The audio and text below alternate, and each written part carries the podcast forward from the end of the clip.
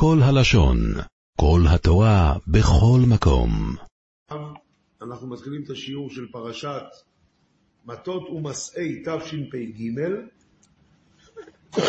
ונתחיל כמה דברים בקשר לשלושת השבועות. דבר ראשון, הרב, הרב שלמה יצחק בספר ירמיהו פרק א', פסוק י"א, ירמיהו הנביא אומר, ויהי דבר השם אלי לאמור, מה אתה רואה ירמיהו? ואומר, מקל שקד אני רואה. ויאמר השם אלי, היטבת לראות, כי שוקד אני על דברי לעשותו. מה אומר על זה רש"י? כמה זמן לוקח מאז שיש את הנץ של הפרח של השקד עד שהוא, עד שהוא מבשיל? שלושה שבועות, 21 יום. וכנגד זה ה-21 יום של שלושת השבועות.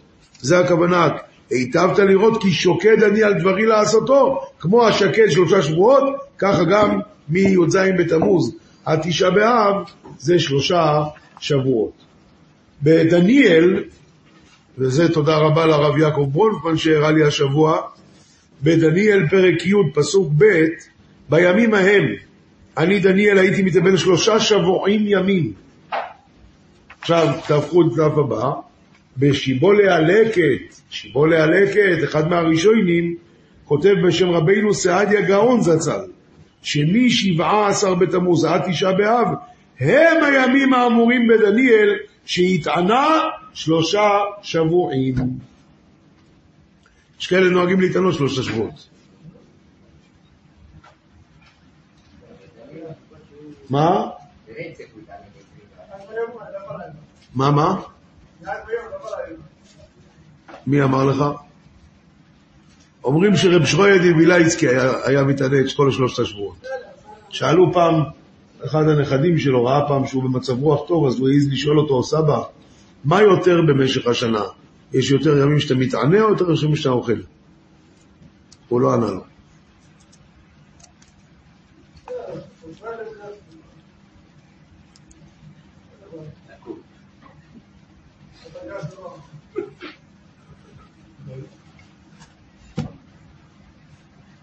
לאן הגענו שזה מצחיק אותנו, אה?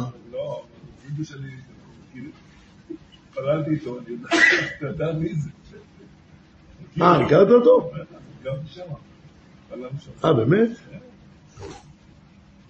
הרבה שנים. שואל לי וילייצקי היה... היה מתענה, כל תענית שכתוב בשולחן אורוך, וזה רק רמז, היה מתענה. בן שלי. הוא איש גם. בן שלי היה גם. טוב, עכשיו דבר נוסף, גם את זה הראה לי הרב יעקב ברונפמן השבוע, שהרב הגאון מקוז'יגלו, נו מי זה היה רב יעקב? הארץ צבי. הוא היה, כשרב מאיר שפירא מלובלין נפטר, הישיבה נשארה בלי ראש. אז החליטו שהגאון מקוז'יגלוב, הוא יהיה הראש ישיבה. אחרי זה הוא נרצח בגטו ורשה. הגאון מקוז'יגלוב. אז הוא כותב את המכתב הזה, שימו לב. מה ש... למי הוא כותב את המכתב? לאבני נזר. מה? אה, 15. ישמח לזה. ועל פי רוב חל פרשת פנחס בין המיצרים, אשר שם כתובים כל קורבנות המועדים. וכן בספרו ארץ צבי על התורה כתב, מקובלני, כי בימי בין המיצרים נכון ללמוד הלכות. מה, מה פתאום? ונראה כי ג' שבועות אלו מכסים על הארת ג' המועדות, יופיעו ויעירו על כל ימות השנה, ועל ידי מועדות מסולק ההיעלם, ויוצאת שוב לאורה הארת הימים הטובים. טוב. מוריי ורבותיי, קהל נכבד וקדוש. שבוע שעבר, ביום שישי, צלצל אליי הרב שלום רוטלוי. אני אמרתי בשיעור שעזרה, המילה תעזור לי, כתוב בתהילים רק שלוש פעמים. זה מיד הערתם לי עוד מקומות, אבל הוא רצה לדבר איתי על זה. אז אמר לי, תגיד לי, מאיפה הגיעה המילה עזרה בבית המקדש? למה זה עזרה? מה זה עזרה? כולם שותקים, כי כמוני, אף אחד לא חשב על זה. עזרה, מאז שהיינו ילדים זה היה עזרה, אז מה אתה שואל למה? אבל, שימו לב בעמוד 16, אומר התוספות יום טוב, אומר התוספות יום טוב, במסכת מידות פרק ב' משנה ו', העזרת ישראל כתב רעביה, רעביה זה אחד מהראשונים, כתב רעביה עזרת ישראל, מצאתי נקודה עין בסגול. זאת אומרת, זה לא עזרת, אלא עזרת. מה פתאום? התשובה היא שמשם העזרה באה לעולם שנאמר, ישלח עזרך מקוידש. טרם.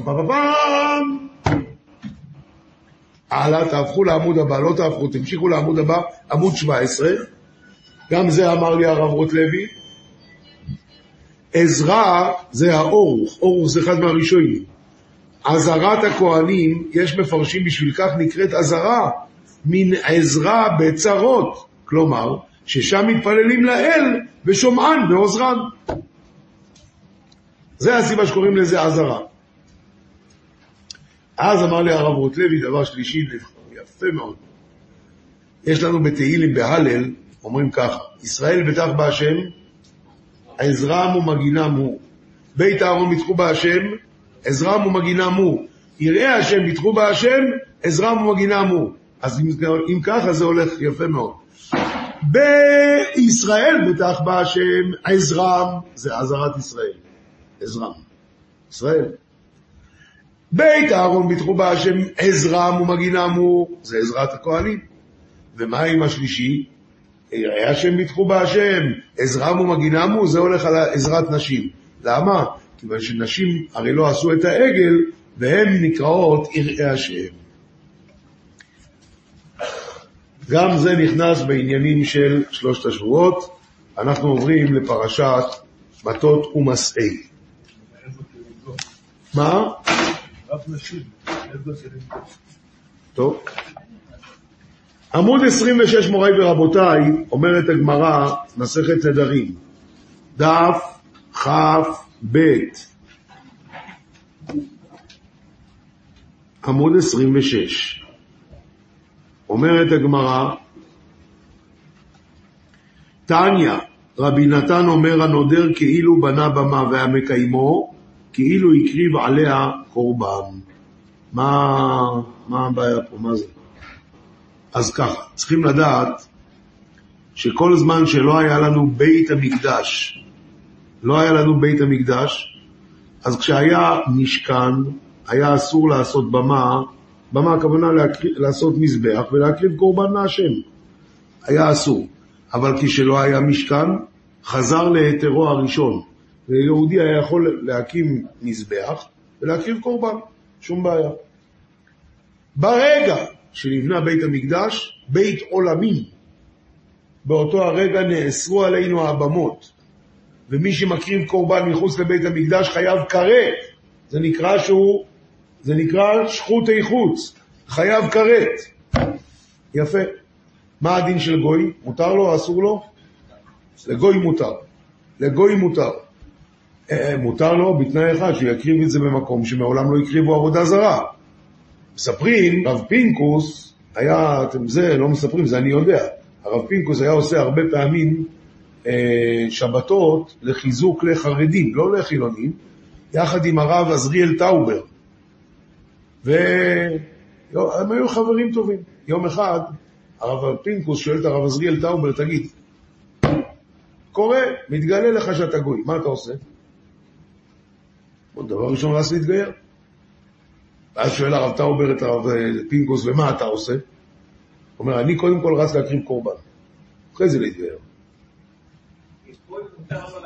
כי גוי מותר לו לעשות במה. ליהודי זה אסור. אומר, אם אני מתברר שאני גוי, קודם כל אני הולך להקריב קורבן. איפה תקריב קורבן? איפה שעוד לא עבדו עבודה זרה. איפה לא עבדו עבודה זרה אף פעם? אמר לו, אני אלך פה בארץ השפל והגאות כמעט לא שמים לב לזה. מי שהיה פעם באמריקה, אפילו בבורו פארק, אתה הולך עד סוף הבורו פארק, אתה מגיע לאוקיינוס. אתה רואה שבלילה האוקיינוס הולך אחורה עשרות מטרים. עשרות מטרים. אומר, שם אף אחד לא יקרה בעבודה זרה. אני הולך שם בשעת השפל, עושה במה, מקריב קורבן ורס להתגייר. אבל ליהודי אסור לעשות במה. וכל שכן, לה... באה הגמרא ואומרת, אם אדם נודר, קורב... נודר אה, נדרים, כאילו בנה...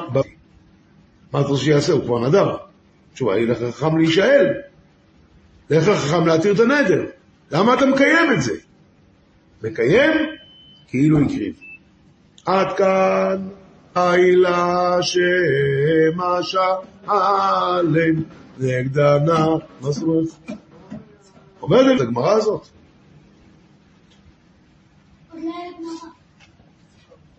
אתה מאיפה אתה חושב שהגמרא ידעה? מה הוא מלמד אותנו? שכן לנדור. אסור לנדור. תסביר לי.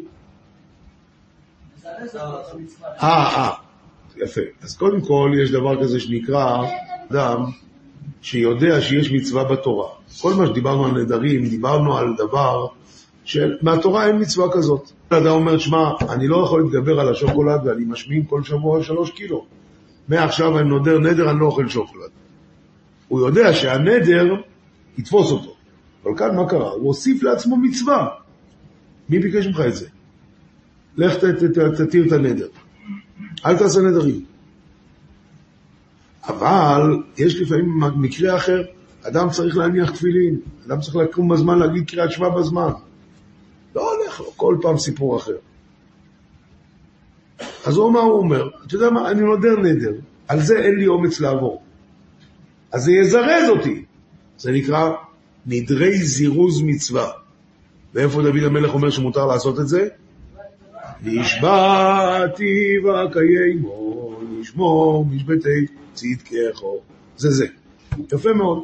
וזה העמוד הבא, עמוד 27, אומרת הגמרא במסכת נדרים דף ח', מניין שנשבעים לקיים את המצווה שנאמר, נשבעתי ואקיימה, והלא מושבע ועומד מהר סיני הוא, אלא איש לזירוזי נפשי. אבל, כשדוד המלך אומר נדרי להשלם משלם נגדם, הוא לא מדבר על נדרי מצווה. קורבנות, זה נדרים אחרים. והתשובה היא ריש ג' אומר השולחן ערוך, סעיף א', אל תהי רגיל בנדרים. כל הנודר, ונקרא חוטא, סעיף ג', הנודר כאילו בונה במה, בשעת איסור הבמות. נדרים, אבל נדרי הקדש מצווה, לקיימן, ולא ישאל, על, סליחה, אבל נדרי הקדש, בעת צרה מותר לנדור. מה המקור לזה? שימו לב רבותיי למטה בי מסומן, בעת צרה, בראשית רבה, פרשה עין.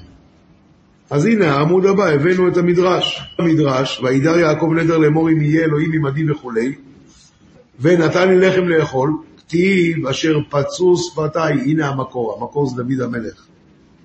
בפרק ס"ו, אומר דוד המלך, אשר פצו שפתיי ודיבר פי, בצר לי. מה זה בצר לי? בשעת צרה מותר לנדור, וחייבים לקיים, ולכן הוא אומר, נדרי להשם אשלם נגדנה לכל עמו. לא סתם, אני אקיים את זה. למה? כי נדרתי את זה, אשר נדר פי, אשר דיבר פי, בצר לי. מה המקור של דוד המלך? מיעקב אבינו. שם כתוב, וידע יעקב נדר לאמור. מה זה לאמור? למי לאמור? אלא לאמור אומר המדרש, לאמור לדורות. ינדרו נדרים ויקיימו אותם. עכשיו, זה לא סתם, אלא שדוד המלך אומר, אתה יודע, בזכות הנדרים האלה מה זכיתי? וזה כתוב בפרק ס"א, בעמוד הבא, בעמוד 30. פרק ס"א, פסוק ו'. מה? זה בעת צרה הוא נדר. יש לך תהילים לידך. תפתח פרק ס"ו, י' כן, י"ג, אבוא ואיתך ועולות, אשלם לך נדריי. ברור? יפה מאוד. עכשיו, בפרק ס"א אומר דוד המלך, אומר רש"י, החזרת ערי ירושתם על ידי. במה? כי שמעת לנדרי. אז רואים ש...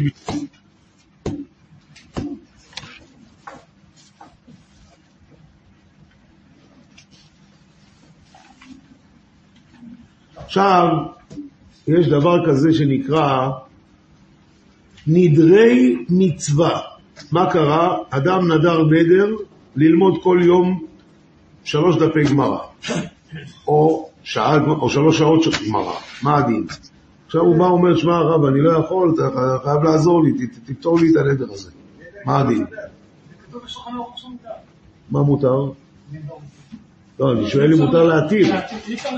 הוא בא לרב, הוא אומר, אני לא יכול. שואל אותו הרב, אז למה נדרת? אומר, אז הייתי יושב בכולל כל היום. היה עכשיו מצב כזה שאני חייב לצאת לעבוד, ואין לי את השלוש שעות האלה. אז השתנה המצב, יש לו פתח. נו. תסתכלו בעמוד 33. כותב הריישיס חוכמה. ריישיס חוכמה, מי כתב את הספר? ראשית חוכמה, מי כתב את הספר? דע שכל מי שידור לקיים מצווה, רבי אליהו וידש, משהו כזה, וידש, זה אבל ספר קדמון, ספר קדמון מאוד. דע שכל מי שידור לקיים מצווה או לעסוק בתורה, כך, כך וכך שעות ביום וכיוצא, אין ראוי להתיר לו לדרור, אלא אם יראה לבית דין שהוא אונס גדול. ואם התירו לו ולא היה בדבר אונס גדול, מן השמיים אינם מתירים לו. ולכן הגמרא אומרת, אם אדם אמר, אשכים ואשנה פרק זה, נדר גדול נדר לאלוקי ישראל. למה אתה אומר נדר גדול? כי זה נדר שלא מתירים. נדר זה למעשה נקרא נדרי מצווה. אדם שנדר לעשות מצווה, לא מתירים לו את הנדר. אלא אם כן, כמו שהוא אומר, אונס גדול. ואם התירו לו בלי אונס גדול, השמיים לא מתירים לו את זה.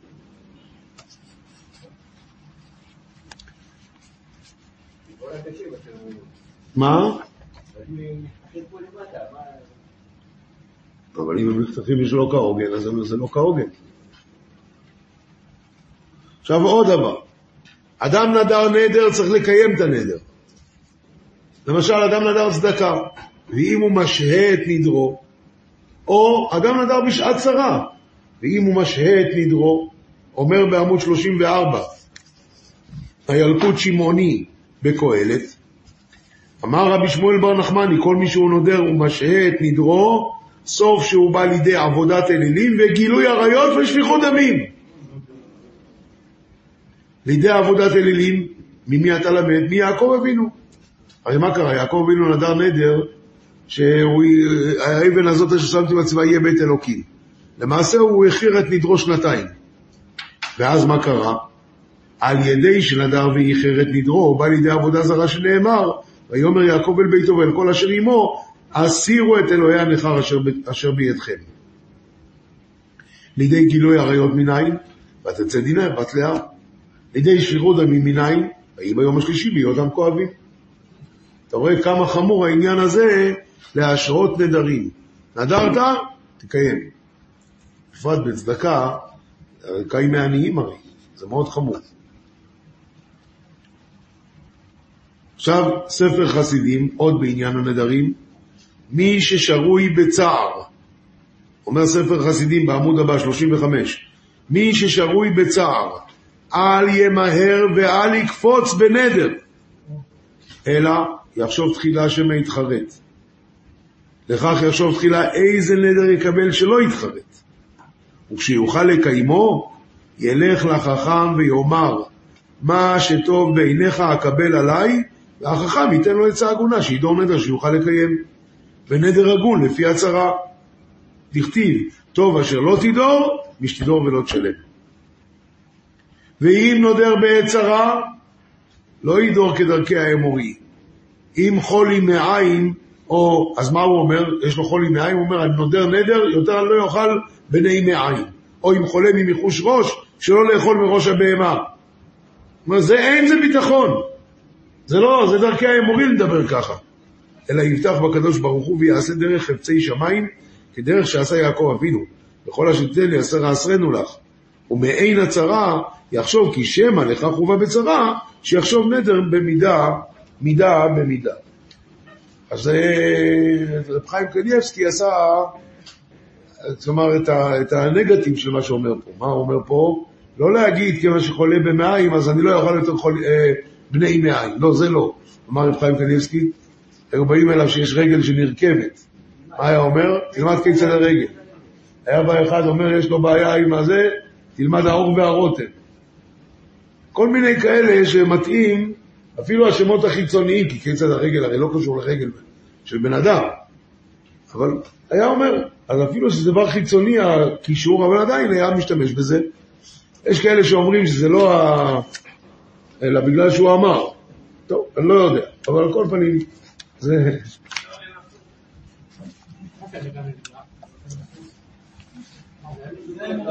זה כנגד זה. מה כנגד רגל? כיצד הרגל. זה ההימורים לא עושים, כן. למעשה מה שהוא בעצם אמר זה תלמד תורה. הוא רצה לחזק את העניין הזה, אז היה אומר תלמד. מה תלמד? משהו מעין העניין.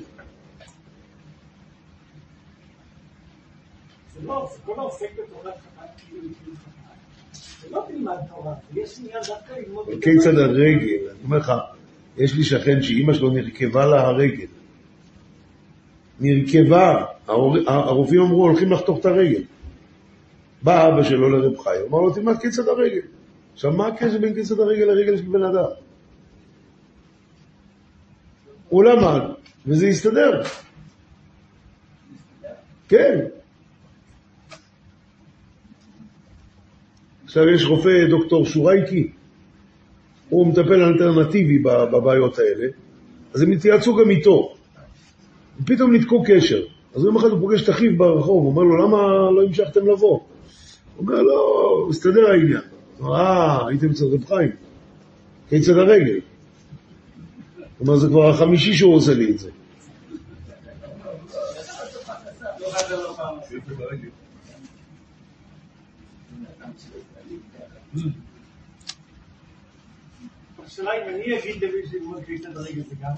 זה? זה, מה שאמרתי.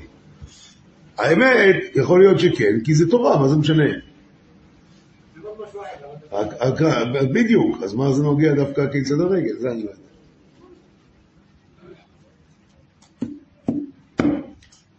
הלאה, מוריי ורבותיי. איש כי ידור נדר להשם או יישבע שבועה לאסור ישראל, נפשו לא יחל דברו.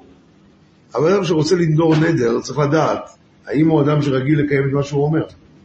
כי אם הוא לא רגיל, בשביל מה תנדור? למשל, למה הדבר דומה? אומר על זה הרב אה, מגיד מדובנה, היה פעם אחד שהיה חוטב עצים, בקושי מרוויח משהו. הגיע הזמן לחתן את ביתו, עשה חתונה יפה. אומר לו שכן שלו, איך אתה, חוטב עצים? אומר לו, כן, אבל אני יש לי קופה, כל יום אני מכניס שם כמה שקלים, ובמשך השנים מצטבר. אומר לו, "ששש, כואב, גם אני אעשה ככה. אומר לו, במה אתה עובד? אומר, אני גנב. אבל אני לא חוסך, עכשיו אני אתחיל לחסוך. טוב, יום אחד הגנב הזה היה צריך לחתן את ביתו, לא היה לו גרוש. שאל אותו השכן, לא עשית את הפטנט הזה? הוא אומר, עשיתי, אבל אני הרי גנב.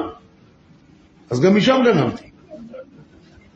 אומר המגיד מדובנה, אם בן אדם לא רגיל לקיים את מה שהוא אומר, מה יעזור, שהוא ינדור? הוא ינדור, וגם את זה הוא יבטל. אבל אם לא יחל דברו, אז הוא יכול לנדור.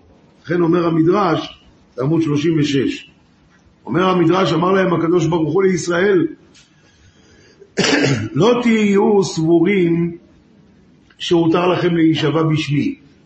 אפילו על אמת אין אתה רשאי להישבע בשמי, אלא אם כן יהיו בך כל המידות הללו. איזה? את השם אלוקיך תירא, שתאר אותם שנקראו יראי אלוקים. א- א- א- אברהם, איוב ויוסף, אלה האנשים כאלה אנשים, אז אתה יכול לנדור.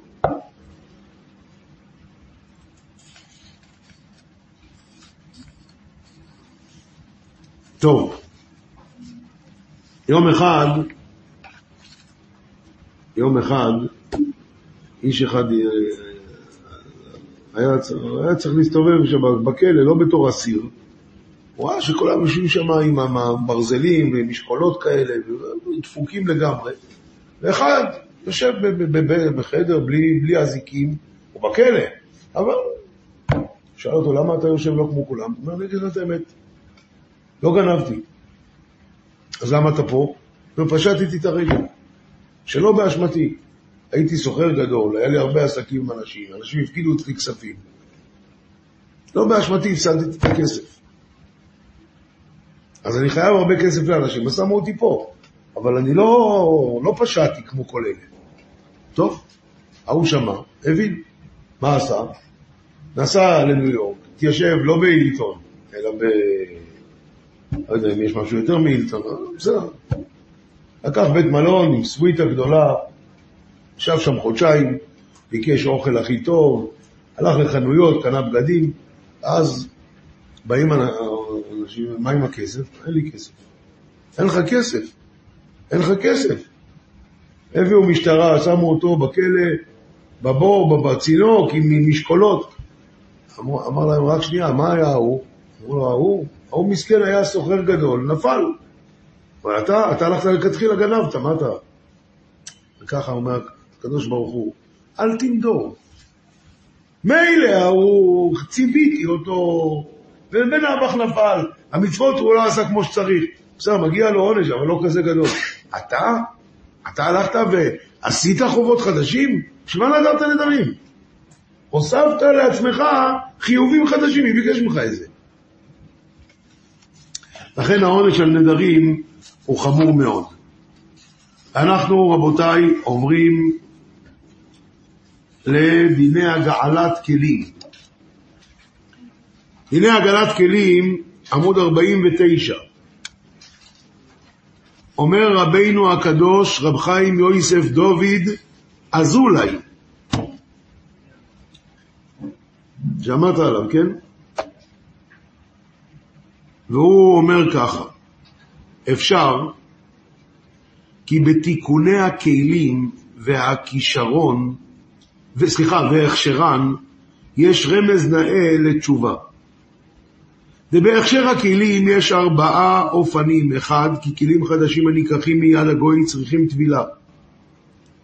ב', אם נשתמש בהם בחמין, בגעולי גויים וכיוצא, אפילו פעם אחת, צריכים הגעלה ברותחים להפליא טעם האיסור אשר בכלים. ג', אם נשתמש בהם על ידי האור, צריכים לכוון שיהיו ניצוצות ניתזין מהם, כי בערה בהם האש, ובתוקף שליטת האש, נפקא מיני טעם האיסור אשר בקרבם. והרביעי, שאם הם כלי חרס, אין להם תקנה וטעונים שבירה ושבירתן היא טהרתן. עד כאן דיני הגלת כלים בקיצור. אומר האחידה, וחלוקות אלו על ארבעתן, מכוונים לארבעה חילוקי כפרה שהיה רבי ישמעאל דורש. עבר על מצוות עשה, לא זז משם עד שמוחלים לו. עבר על לא תעשה, תשובה ויום הכיפורים מכפרים לו. מה זה יום הכיפורים? שאדם רותח מהרעב. עבר על כריתות ומיתות בית דין, תשובה ביום הכיפורים, ואיסורים ממרקים. מה זה איסורים? זה ליבון. אבל אם עבר על חילול השם, מיתה מכפרת. מה זה מיתה? שבירתה אני טהרתה. מה, מה? כן, אבל ההשוואה לעגלת כלים כאן. ועל זה הוא אומר, לכן כתוב באיכה, בני ציון היקרים, המסולאים בפז, הם כמו כלי זהב. מה קרה עכשיו? איכה, בני ציון היקרים המסולאים בפז, איכה נהפכו לנבלי חרס. למה שמירתן בטהרתן? למה הם נהרגו ככה?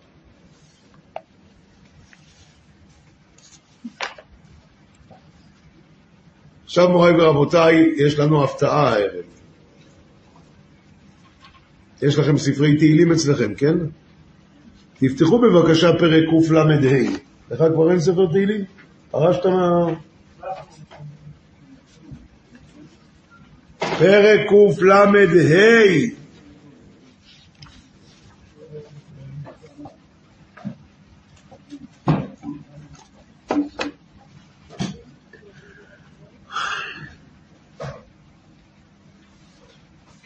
אתם איתי? אני לא איתי. פרק קל"ה, פסוק י'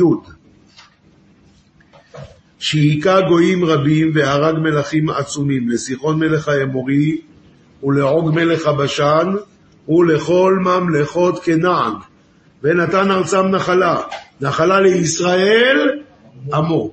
עכשיו נראה קל"ו, פסוק י"ז. למכה מלכים גדולים, כי לעולם חסדו, ויהרוג מלכים אדירים, כי לעולם חסדו, לסיחון מלך האמורי, כי לעולם חסדו, ולעוג מלך הבשן, כי לעולם חסדו, ונתן ארצם לנחלה, כי לעולם חסדו, נחלה לישראל, עבדו, כי לעולם חסדו.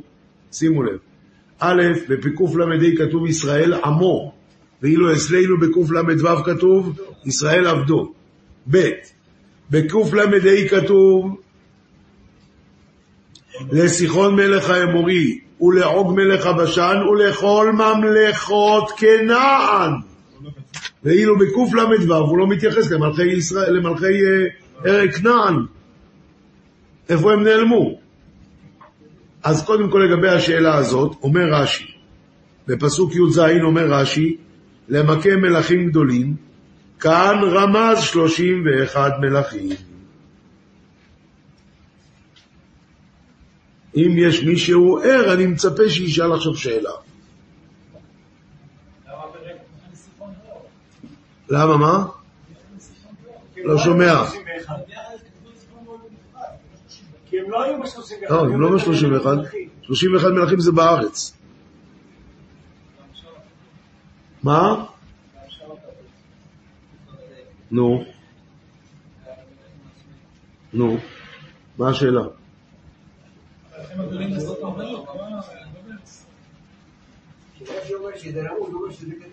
לא, שם המלכים גדולים זה מישהו אחר.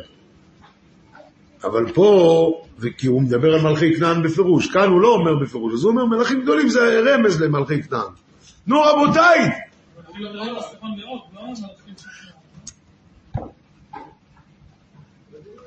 נקרא עכשיו את הפסוק שרש"י אומר שרמוזים מלכי כנען, בקל"ו, כן? הוא אומר ככה, למכה מלכים גדולים כי לעולם חסדו. מה זה רומז? אמר לנו רש"י, ל-31 מלכי כנען, ואז, ויהרוג מלכים אדירים כי לעולם חסדו, ואז לסיחון מלך האמורי. לא, מה היה קודם? סיחון ואוג. אז למה אתה כותב לי על מלכי כנען לפני שאתה כותב על סיחון ואוג?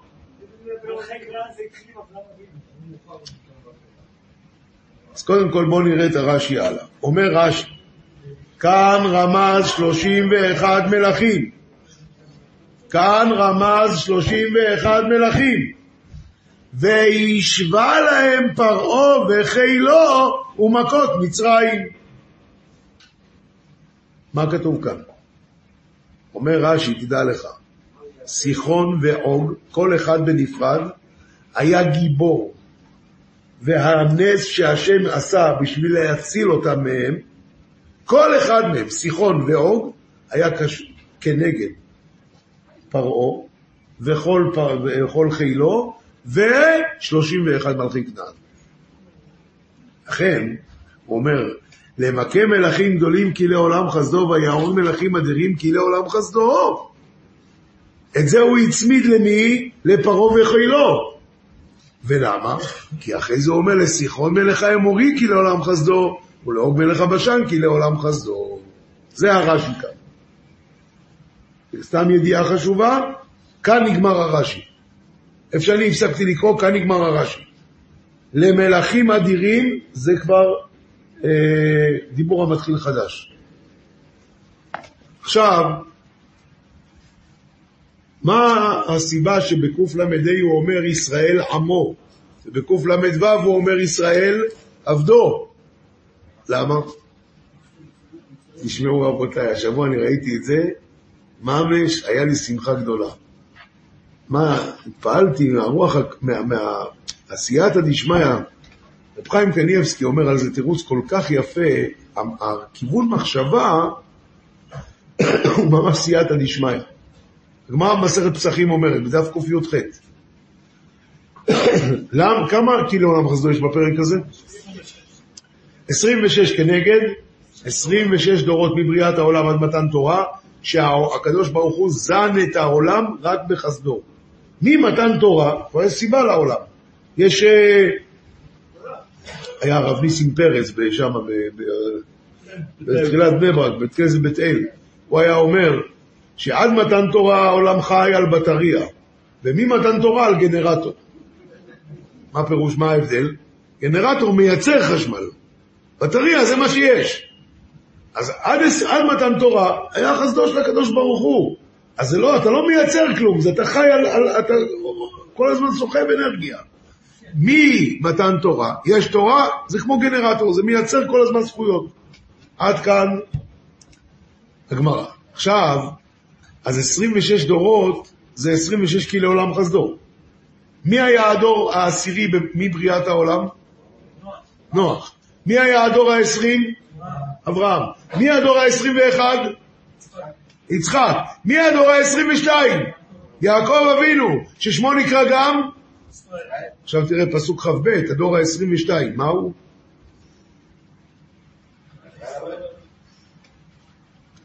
נחלה לישראל עבדו זה פסוק כ"ב, כי זה הולך על יעקב אבינו, אז הוא כתב ישראל עבדו, לא ישראל עמו. זה לא הולך פה על ישראל. זה כן הולך על ישראל, רק הוא רצה לרמוז כאן את יעקב, את יעקב אבינו. אז הוא אומר, נחלה לישראל עבדו, כי זה הדור ה-22. הכיוון מחשבה ממש אה, עשה לי שמחה מזה. עכשיו רבותיי, נמשיך הלאה. זה בעמוד 55. עמוד 56, יש כאן תירוץ נוסף של הרוקח, של, ה, של הרוקח.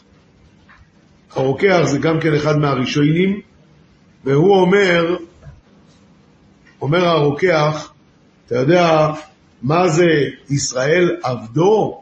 כי כאן מדובר על הנחלה של סיחון ואוג. מי לקח את זה? אה? ראובן וגד. והם מה הם אמרו אל משה רבינו? ארץ סיחון ואוג, ארץ מקני, ולעבדיך מקנה. אז איך הם קראו לעצמם? עבדים. והם קיבלו את זה. לכן זה ישראל עבדו. כי הם קיבלו את זה והם קוראים לעצמם עבדים.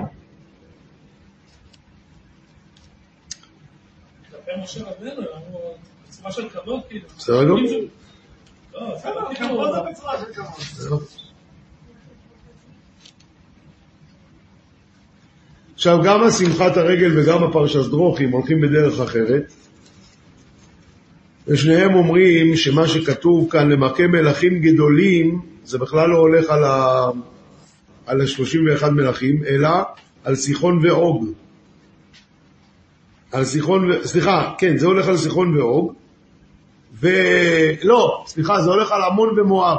ולמה, ולמה אה, הוא אומר, אה, למה הוא אומר למכה מלכים גדולים ויהרוג מלכים אדירים?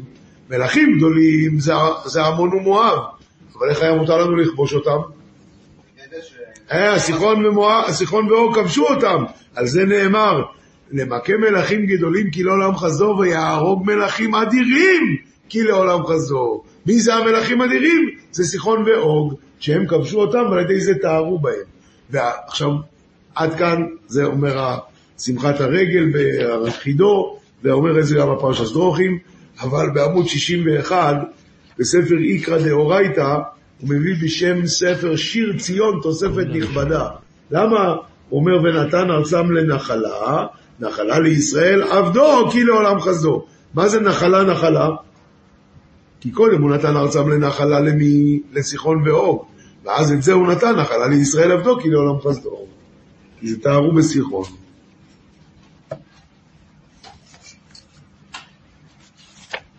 עכשיו נעבור לפרשת מסעי. לא, עוד מילה אחת לפני כן. הוא קרא נובח בשמו. יש עניין לקרוא שם רחוב על שם איזה מישהו? שאלה מבחינה אמיתית. אז שאלו את רב חיים קניאבסקי בעמוד אה, 79, רב חיים אמר שעל זה נאמר במזמור מ"ט, קראו בשמותה עלי אדמות. על מי זה נאמר? על הרשעים. קוראים שמות של בניינים על שמם. למה? ככה, זה הזכר היחיד שיש להם בעולם. אבל באמת אין לזה שום משמעות.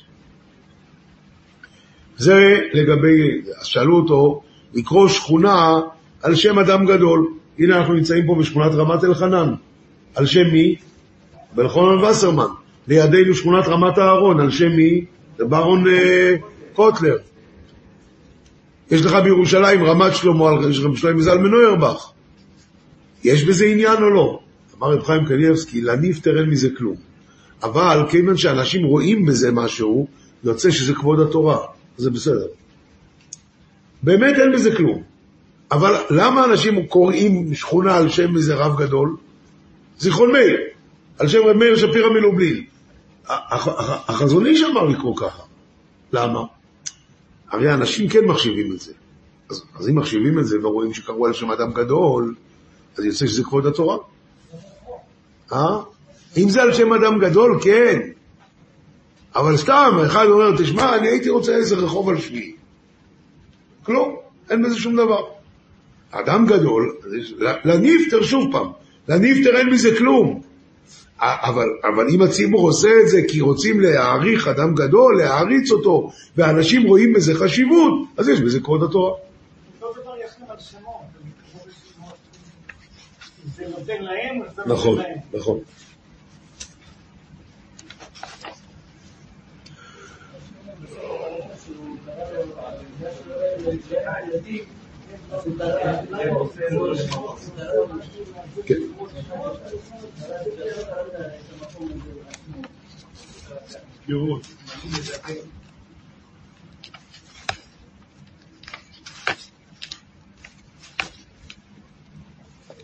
עכשיו, יש כאן שאלה רצינית מאוד, והיא, מדוע פעמיים כתוב יציאת מצרים במסעות? אבל למה כתוב את זה פעמיים? אה, זה השאלה. מי אמר שכתוב פעמיים? זה נכון, שאלה טובה. אומר, אומרת התורה, אומר משה רבינו, ופסוק ג' וייסעו מרמסס בחודש הראשון בחמישה עשר יום לחודש הראשון. ממחרת הפסח יצאו בני ישראל ביד רמה לעיני כל מצרים. פסוק ה' וייסעו בני ישראל מרמסס ויחנו בסוכות. אז פעמיים הם נסעו מרמסס? מה כן? אה, גוואלדי, רבי צחוק אתה גאון. התשובה היא, כן, באמת הם נסעו פעמיים מרמסס. פעם אחת בשביל הקורבן פסח, לקח אותם, כמו שיונתן בן עוזיאל אומר, לקח אותם ענני כבוד, לשחוט את הפסח איפה? בהר הבית. ואז הם חזרו חזרה למצרים, ושוב יסעו מרמסס. אה, פיליפ פלויד. זה בעמוד אה, 93, שלח את זה הרב אה, דוד שמואלי בשם רבי חזקיה חדד. רבי חזקיה חדד. יפה מאוד. עכשיו, בפסוק הבא הוא אומר, ומצרים, בפסוק ד', ומצרים מקברים את אשר היכה השם בהם כל בכור, ובאלוהיהם עשה השם שפטים. מה זה נוגע פה? אומר על זה, הישמח מוישה, הג- הגאון הצדיק מאויל, אויל. איפה זה אויל? לא שומע שזה הונגריה. אוי. אז בהונגריה היה חכם גדול שקראו לו הרב רב מוישה טייטלבוי. הצאצא שלו זה היה הרב רב יויליש, מסטמר. הוא היה הרב, הרב טייטלבום הזה, הרב מוישה, הישמח מוישה, הוא היה ידיד טוב של החתם סופר. אז הרב אה, הישמח מוישה אומר, הרי הם עבדו עבודה זרה המצרים, ואחד מהעבודות זרות, מה שהיה אצל לבן, מה זה היה? טרפים, מה זה טרפים? גולגולת של בכור בן בכור. עכשיו המצרים עובדים לזה, פתאום מתו להם כל הבכורות בלילה אחד. וואלה, אתה יכול לפתוח עכשיו מפעל. רק תבדוק, מי בכור בן בכור, יאללה. תעשה מפעל לטרפים. אז למה הם קברו אותם? אומר הישמח מוישה, ומצרים מקברים את אשר היכה השם בהם כל בכור, כי באלוהיהם עשה השם שבטים. אומרים, זה לא שווה כלום. אה, זה- חשבתי שהם למה? לא. אמרו, אה, לא שווה כלום.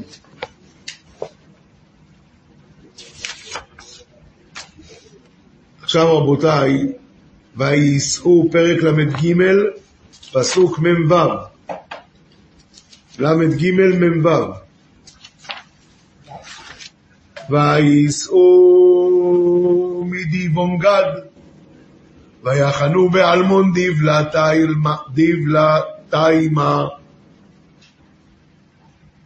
אומרת הגמרא, תסתכלו בעמוד 97, בעמוד 97, גמרא מסכת יבמות דף י"ג עמוד ב', דתניא, אומרת הגמרא, רבי נחמיה אומר, כל תיבה שצריכה למד בתחילתה, הטיל לה הכתוב ה' בסופה. דוגמה, תנא דבר רבי ישמעאל, כגון אילים, אילימה. היה צריך להגיד, הם נסעו לאילים, איך אומרת התורה? ויבואו אילימה. במקום ל' בתחילתה, ה' בסופה. מחניים, מחניימה. מצרים, מצרימה. דבלתיימה. מה זה דבלתיימה? זה הפסוק שלנו. ויחנו בעלמון דבלתיימה. צלצל אליי השבוע הרב יעקב ברונפמן, אומר, אני לא מבין. מה אתה רצית שיהיה כתוב פה? "וי- ויחנו באלמון לדבלתיים? מה רצית שיהיה כתוב?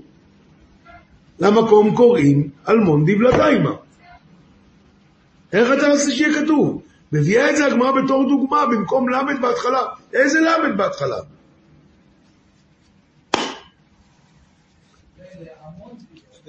שם אחד, יש לי שמות.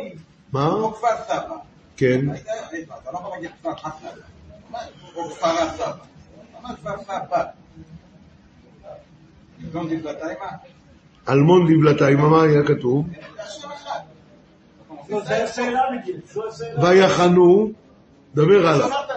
דבר איתי עכשיו עברית. ויחנו, הלאה, לא. לאלמון. כל הזמן כתוב ב, מה פתאום ל?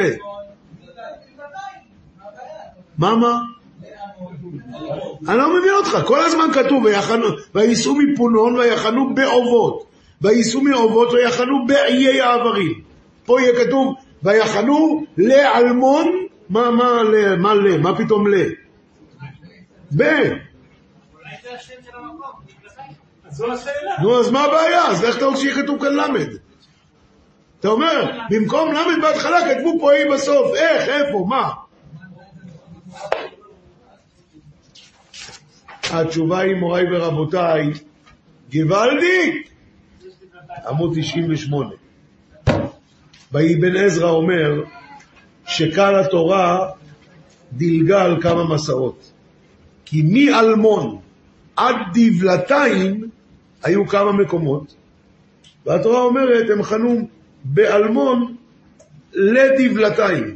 עד, עד, עד, עד, עד. אז בעצם היה צריך להיות כתוב, ויחנו באלמון לדבלתיים. אבל התורה כתבה, ויחנו באלמון דבלתיימה. כי מאלמון, מאלמון אל, אלמון עד דבלתיים הם חנו. בדיוק. יפה מאוד.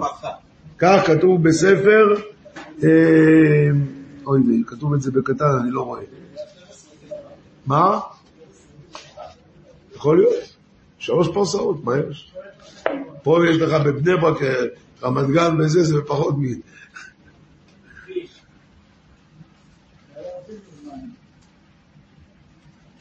אני מכיר את לשונו, אומר האבן עזרא בדע, כי אשת הנחלים והמדבר הנקרא באר, ומתנה ונחליאל, כולם מקומות, ויש להם שם כולל, והוא אלמון דבלתיימה.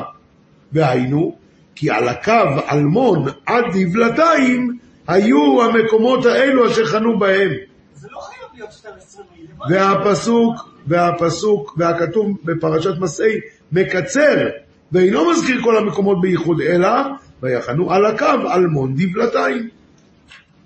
גוואלדיק, אז ממילא לפי זה היה צריך להיות כתוב מאלמון לדבלתיים, במקום זה כתוב מעל, ויחנו באלמון דבלתיימה. גוואלדיק. רואים רבותיי, אנחנו כמעט אה, מסיימים, פשוט הלחץ של הזמן, אני יודע, לפי השעון ההוא אתה יכול ללכת לנוח צהריים עכשיו.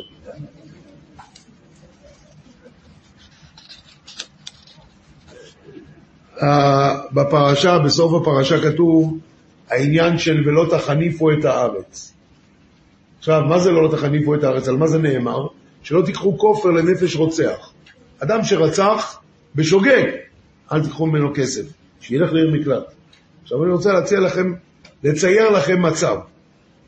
בא, מדברים על הזמנים של פעם, אין אינטרנט, אין פקסים, אין, אה, אה, איך זה היה לפני כן?